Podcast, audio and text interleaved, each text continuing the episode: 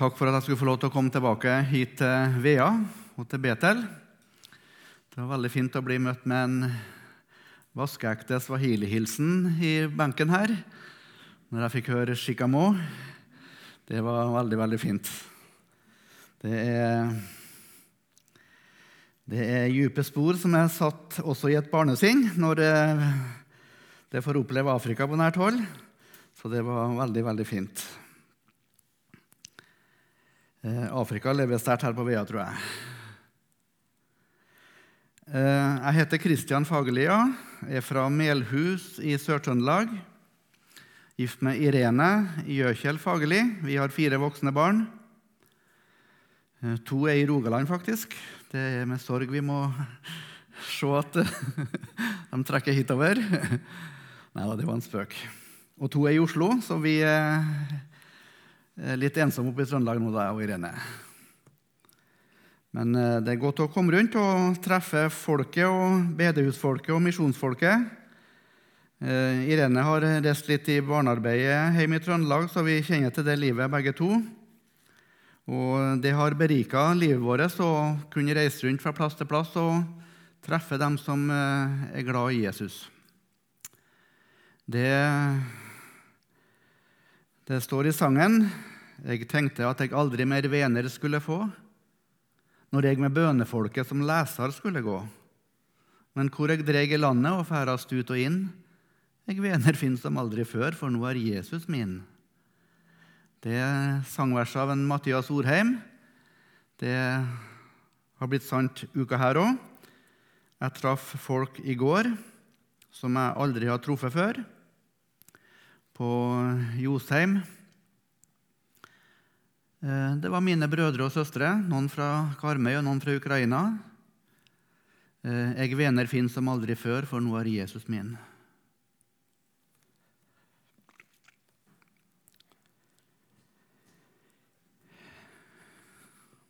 Så er det bestandig spennende foran eh, sånne møter, som du nevnte, Jostein. Spennende å sitte sammen og skal lese Guds ord og høre Guds ord. Så får vi være i bønn alle sammen om at Gud må få sin vei og vilje med oss.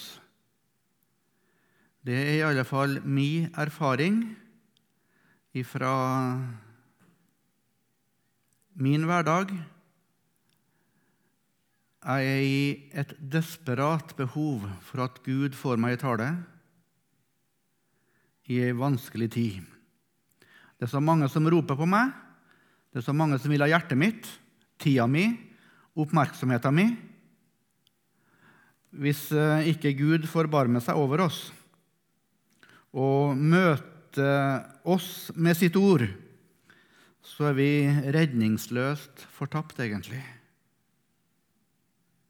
Men Guds ord er mektig til å bevare oss også gjennom den tida vi lever i nå. Ja, takk, kjære Jesus, for at vi skal få lov til å samles i ditt hus, i Bet-El. Og takk for det vi har fått i dette møtet. Takk for at du ikke blir overraska, som vi hørte. Vi blir overraska noen gang når vi oppdager og får se hvor lite vi elsker deg. Men takk for at du visste alt om oss før du kalte oss. Takk for sang og vitnesbyrd vi har hørt Jesus. Velsign fortsettelser og nå, Jesus. La det bli til din ære og til gagn og evig gagn for oss. Amen.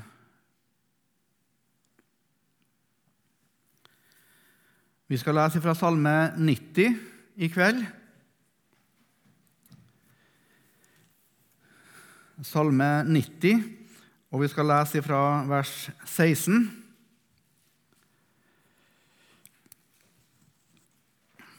Salme 90, vers 16. Som overskrift over den salmen så står det en bønn av Moses, Guds mann. En bønn av Moses, Guds mann. Jeg syns det er en veldig sterk overskrift. Jeg syns den overskrifta dirrer litt av kraft. En bønn av Moses, Guds mann. Den setningen minner meg litt om en setning i Nytestamentet. Der står det om døperen Johannes det framsto en mann utsendt av Gud. Jeg syns det verset òg dirrer av kraft. Det sto fram en mann utsendt av Gud. Nå kjenner jeg på at uh, nå kan alt skje, for nå står det en mann der, utsendt av Gud. Ikke av misjonen, ikke av Sarepta, ikke av uh, Vestlandske eller uh, Misjonssambandet, men han er utsendt av Gud. En bønn av Moses, Guds mann. Jeg tror det er noen Guds kvinner og Guds menn her på øya òg. Moses eh, var altså en sånn Guds mann. Og så ber Moses sånn i denne salmen, vers 16. La din gjerning bli synlig eller åpenbares for dine tjenere. Og din herlighet for deres barn. La din gjerning åpenbares, bli synlig for dine tjenere. Vi skal ta bare første delen av verset i kveld. Moses, den Guds mann. Hva vet du om Moses? Vi skal ikke gjengi den historien. Men vi skal bare si at det er ikke mange mennesker som har hatt et så dramatisk liv som Moses. Tre veldig tydelige 40-årsbolker. Først ved hoffet hos farao i 40 år. Så 40 år i ørkenen. Og så 40 år på vandring som leder av et hardt og gjenstridig folk på vei mot eh, løfteslandet.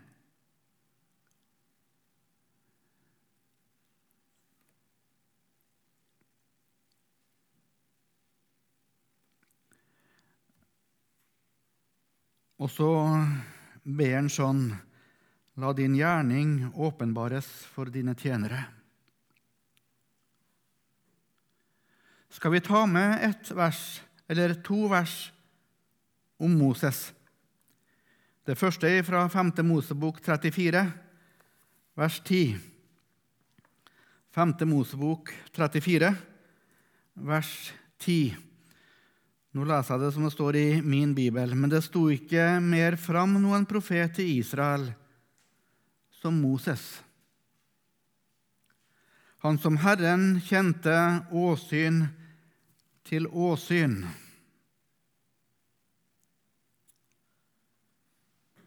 Moses er den første personen i Bibelen som kalles en profet. Etter Moses var det mange profeter. Og mange var store, syns vi. Vi har nå vår målestokk å måle dem med, liksom. Elias måtte jo være stor. For en mann og for ei tjeneste. Elisa. Samuel. Og tenk på skriftprofetene. Jesaja. Den boka, det budskapet Tenk hva han så og fikk skue inn i Guds vesen og Guds hemmeligheter. Jeremia, tåreprofeten. Daniel. Ja, våg å stå som Daniel. Esekiel. Amos, for ei vekkerøst. For en modig maur! Det var mange som var stor. Ja, du kan nevne meg hvem som helst, men det sto ikke fram noen som Moses. Han som Herren kjente åsyn til åsyn. Samme hvem du nevner, så rangerer Bibelen Moses enda litt høyere, tilsynelatende. Hva besto Moses sin storhet i? Kanskje aner vi noe av Moses sin storhet i den bønna som var teksten vår for i kveld. La din gjerning, Herre, åpenbares for dine tjenere. Det Moses eh, sier her, det er jo det at han ikke ser. Jeg ser ikke, far. Jeg er blind. Jeg forstår ikke. Men la din gjerning bli synlig for meg òg, som er din tjener. La meg få se. La meg få et glimt inn i din gjerning, Herre.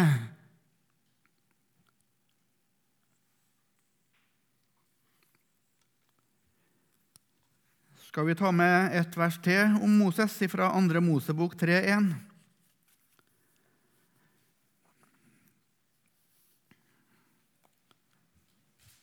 Her er Moses 80 eh, år gammel. Han har hatt sine 40 år som eh, arving til tittelen 'verdens mektigste mann'. Verdens rikeste mann. Det så ut som han var nummer to i verden. Han kunne ha inntatt toppen. Han kunne ha inntatt trona. Han var barnebarn til farao. Det var bare et spørsmål om tid før han var verdens mektigste og rikeste. Verdens nummer én. Men så skjedde det noe. Og så må Moses eh, ut i ørkenen. Det er underlig hvor mange av dem som Herren fikk bruke, som måtte ut i ørkenen. Nå har Moses vært 40 år i ørkenen. Og så står det i 2. Mosebok 3.1.: Moses gjette småfe hos Jetro sin svigerfar.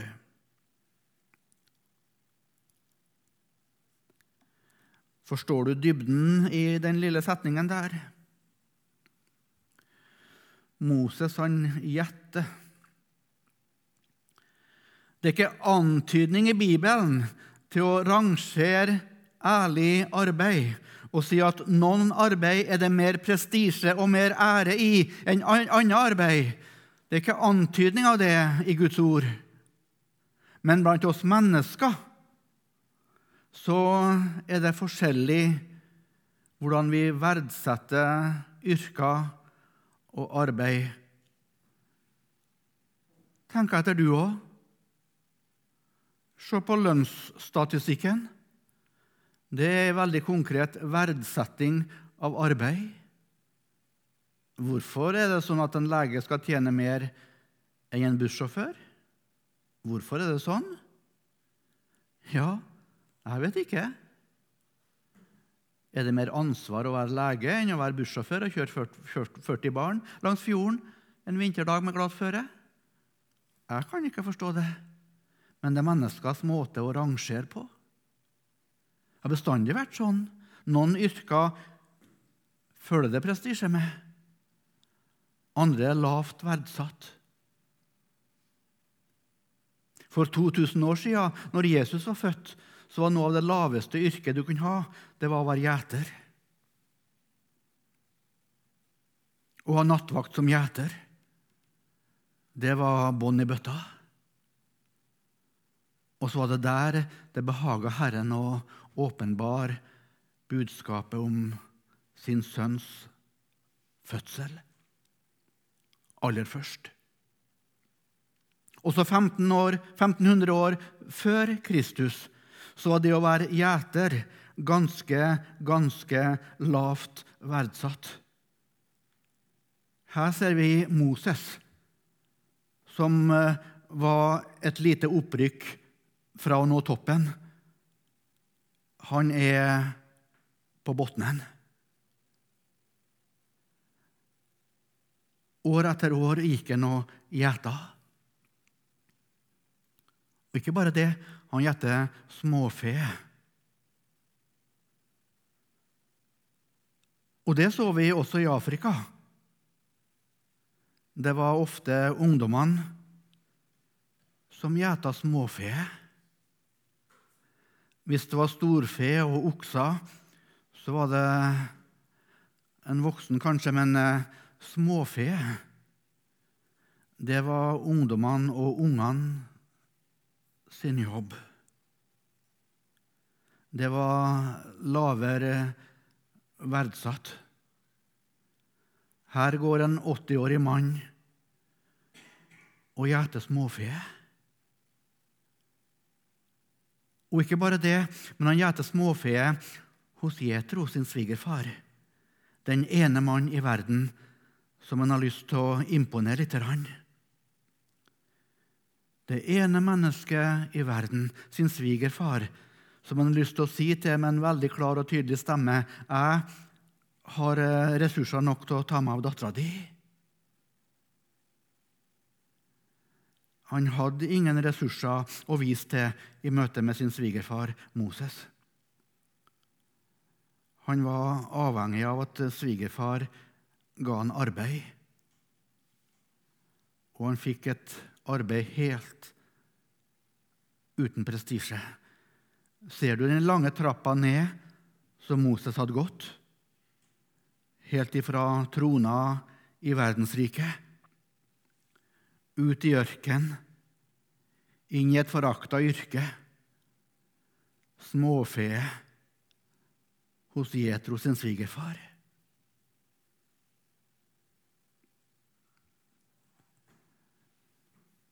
Det er mange Herrens tjenere som har gått den trappa der. Når var det Moses skrev Salme 90? Satte den salmen ned på papiret og ba den bønna i sitt hjerte. Når i sin tjeneste, det vet vi ikke. Men her er det en veldig, veldig ydmyk mann som ber. Gud, jeg er blind. Men kan ikke du la din gjerning bli synlig for meg? Kan ikke jeg få et glimt inn i din verden, far? La din gjerning åpenbares for dine tjenere.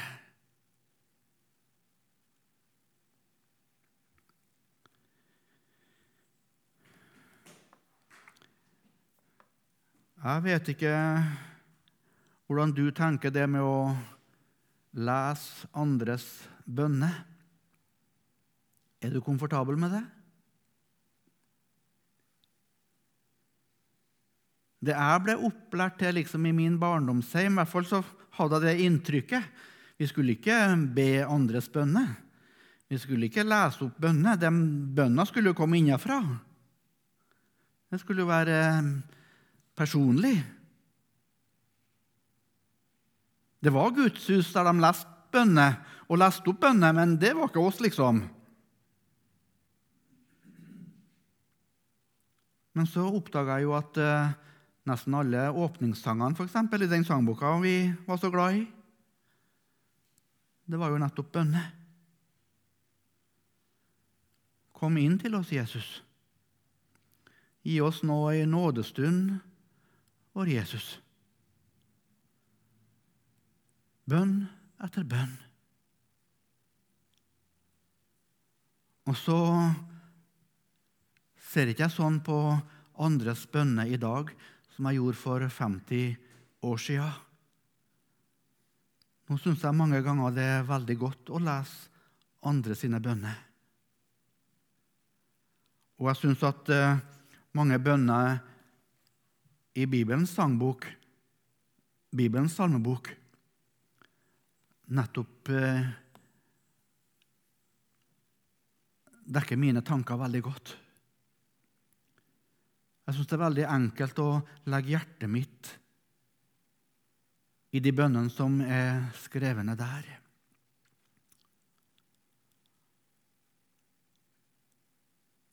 Og så har jeg også lyst til å be Moses i bønn. Far, la din gjerning bli synlig. La din gjerning åpenbares for dine tjenere. Din gjerning, hva betyr det? Hva ligger det i det uttrykket? Det er et veldig vidt og bredt uttrykk. Vi kan eh, egentlig spørre hva er det som ikke omfattes av den bønna. Skal vi nevne noen ting?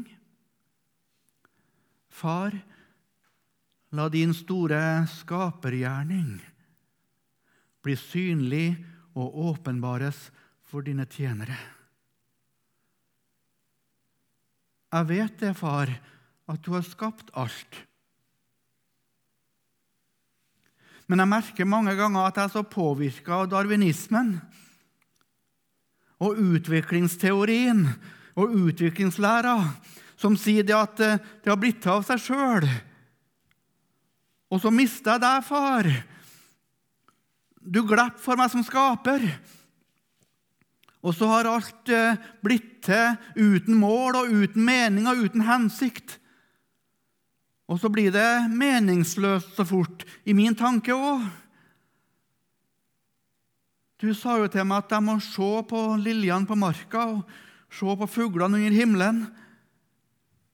Og jeg gjør jo det, jeg går jo og ser, men storheten, det fantastiske i ditt skaperverk, det bleikner for meg. Og så gir jeg ikke deg ære og takk som du fortjener. Men far, må du la din store skapergjerning bli synlig for meg, så jeg ser. Hjelp meg til å forstå at eh, øyet kan ikke ha skapt seg sjøl. Det er så fantastisk et instrument. Hjelp meg til å lese Jesus om hjernen, hvordan den fungerer, hvordan oksygenet blir tatt opp i lungeblærene og frakta rundt i kroppen. Hjelp meg til å forstå at eh, næringa i tarmen suges opp og fraktes rundt som drivstoff og brennstoff i hver eneste celle. At det kan ikke ha ordna seg sjøl. La din store skapergjerning bli synlig for meg, så jeg kan bøye mine knær og opphøye deg som allmektig og god og vis og kjærlig skaper. Og ikke bare at du har skapt Gud, men at du i dag, akkurat nå, opprettholder ditt skaperverk. For siden møtet her begynte Jesus, og jeg satte meg ned på stolen her, så har hjertet mitt i alle fall slått eh, tusen slag. 2000. Og vet du, far, ikke ett av de slagene har skjedd fordi jeg bestemte meg for det. Fordi jeg var årvåken og passa på at nå må jeg passe på hjertet mitt så det får slått. da. Vet du, far, jeg har ikke tenkt på hjertet mitt i hele tatt. Men det er du som har holdt hjertet i gang.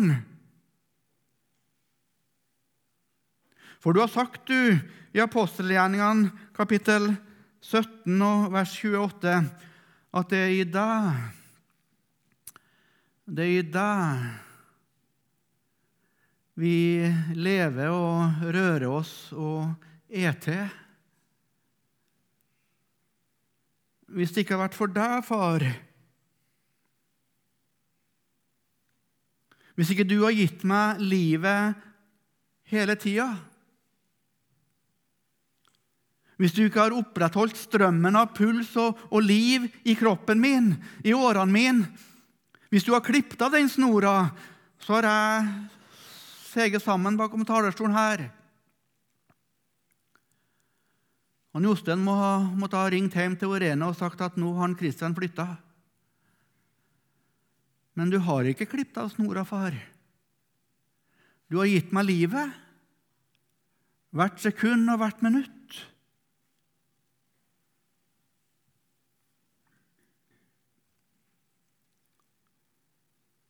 Jeg tar det som en selvfølge, far. For jeg har ikke klart for meg din store gjerning med å opprettholde ditt skaperverk.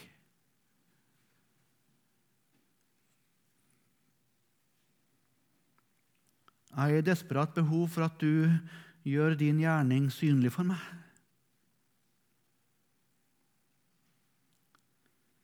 Men først og fremst Jesus, og først og sist Jesus så ber jeg om at du må åpenbare din store frelsesgjerning for meg.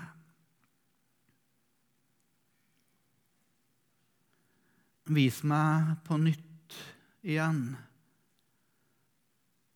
at du har båret min synd. Det lød fra døperen Johannes sin munn. Se der. Der er Guds lam som bærer verden sin synd. Jeg tar så lett på min synd, jeg, Jesus. Men eh, åpenbar din store frelsesgjerning. La det bli synlig og klart for meg hva du bar. Velkommen fra din himmelsal til denne verdens tåredal, hvor vi det intet annet bød enn stall og krybbe, kors og død. Vis meg hva det kosta Jesus. Vis meg den prisen du betalte. Vis meg din smerte. Vis meg hva du gikk inn i.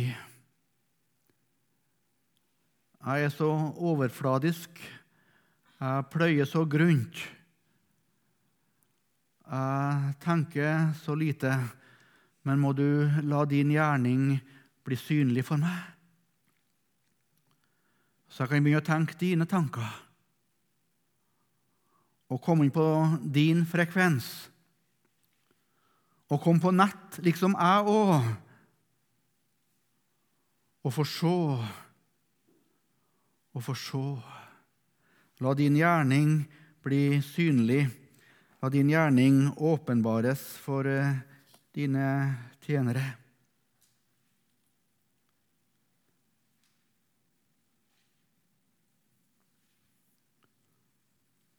Og vis meg at du i dag, Jesus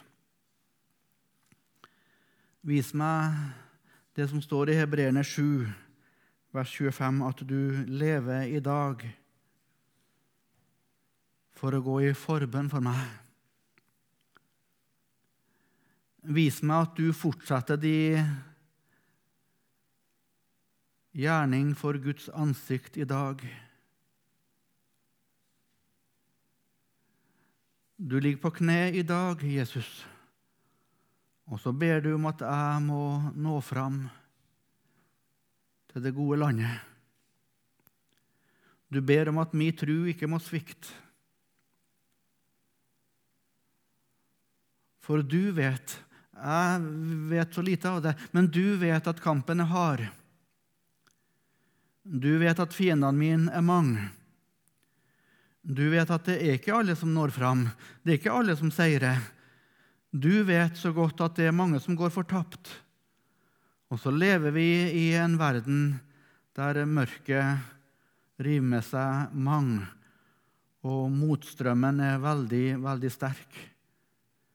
Men åpenbar din gjerning, din forbedergjerning i himmelen i dag, la den bli synlig for meg. Og la meg få se det på en så synlig måte, Jesus, at jeg òg kan være med og knele ned ved siden av deg og være din medarbeider der òg, så jeg kan be for dem som er rundt meg, mine barn, mine svigerbarn, mine barnebarn, dem som står meg nær, dem som lever nær meg, i nabolag og i grend og i lokalsamfunn. Åpenbar din gjerning for dine tjenere.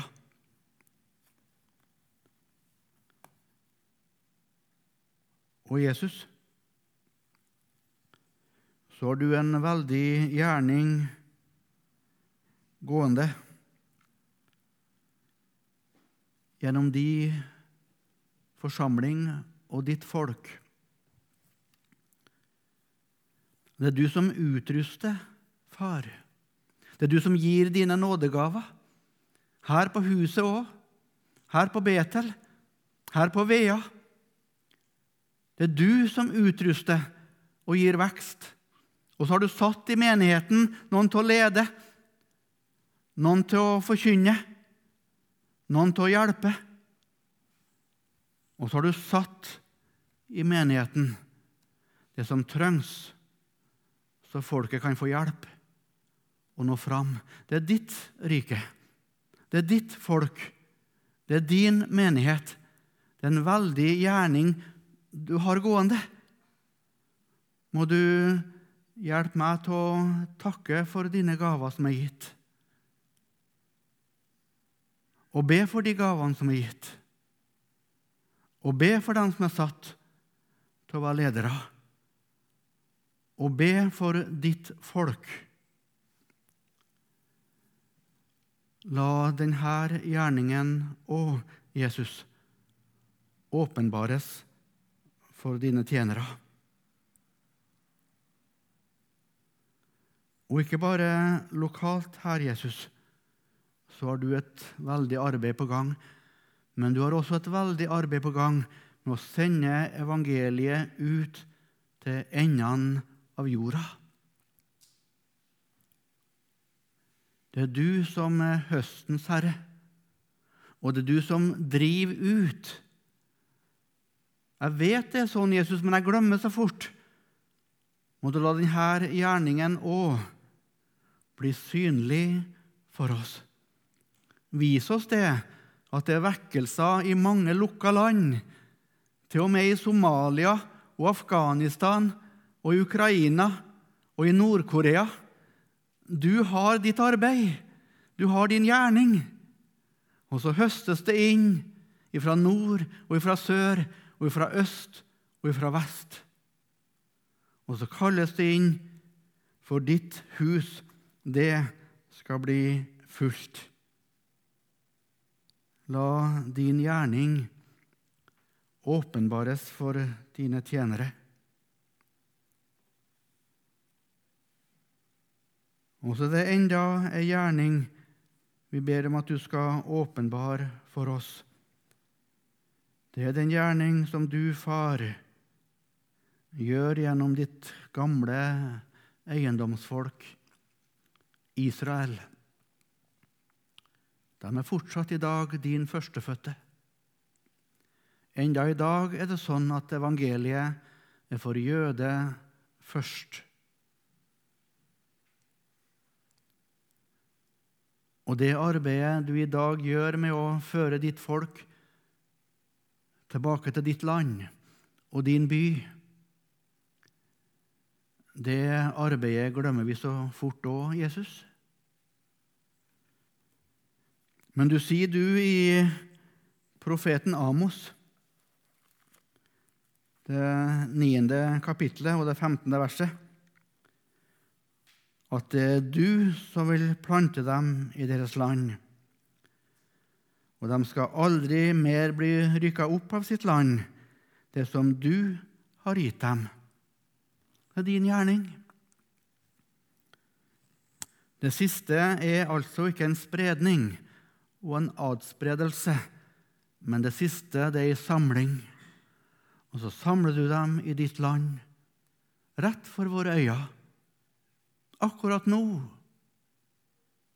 Du samler dem for at de skal være samla den dagen du skal åpenbare deg for dem som deres Messias og deres frelser og deres konge.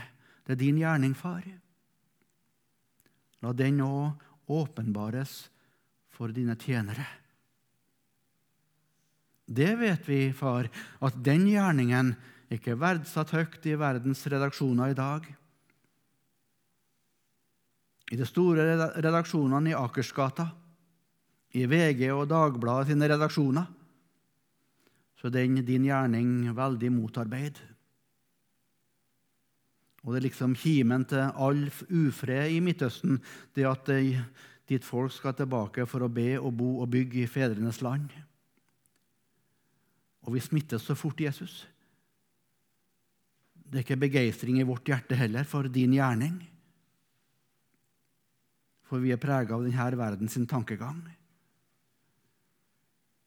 Men vi ber som Moses at eh, din gjerning må bli synlig for oss og stor for oss. At vi kan se dine under. For det er et under, far. Det folket har ingen parallell i verdenshistoria. Og verdens vismenn og verdens historikere sa at de, det skjer jo aldri selvfølgelig at de skal få tilbake sitt land. Men de fikk tilbake sitt land etter 1900 år. Og så har du ført dem tilbake, og så fører dem tilbake i dag. Også etter utbruddet, krigsutbruddet i Ukraina så har masse, masse tusenvis av ditt folk i Ukraina begynt å orientere seg mot Jerusalem. Og mange har kommet tilbake det siste halve året. Det er du som styrer verdenshistoria. Du er historiens herre, og det går som du vil. Du har full kontroll. Jeg blir så mange ganger mismodig, jeg, Jesus. Jeg tror Satan har full kontroll. Jeg syns han får mer og mer makt eh, i barnehager og skoler, og i kulturlivet og i lovverket og i media. Jeg syns ditt ord, far, det plukkes ut. Det blir gjemt, og det er nye tanker, nytt verdisyn som rår grunnen. Men det er fordi at jeg ikke ser din gjerning. Du har den synlig, egentlig. Men eh, vår formørkede forstand kan jo ikke sannhet kjenne. Uten din, den gode ånd, vil sitt lys i oss opptenne. Godt å tenke, tale, gjøre, dertil må din ånd oss føre. La din gjerning bli synlig for dine tjenere.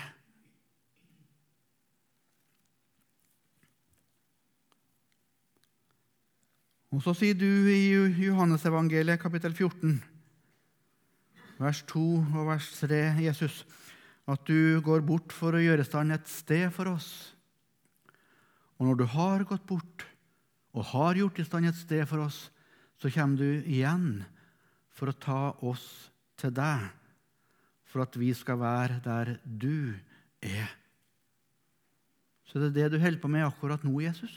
Du gjør i stand et sted for oss. Jeg glemmer så fort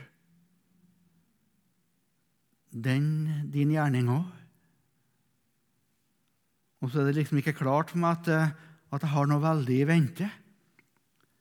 Jesus, jeg blir så jordvendt. Jeg blir så opptatt av min gjerning her. Og så er det ikke bare føttene som står her på jorda, men hjertet mitt blir liksom her òg.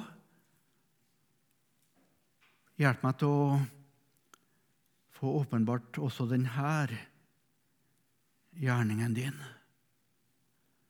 At du holder på med noe stort og gjør i stand et sted for oss, for din brud, for ditt folk. En bryllupssal. Og så skal ropet lyde snart om at du kommer. La din gjerning åpenbares for dine tjenere.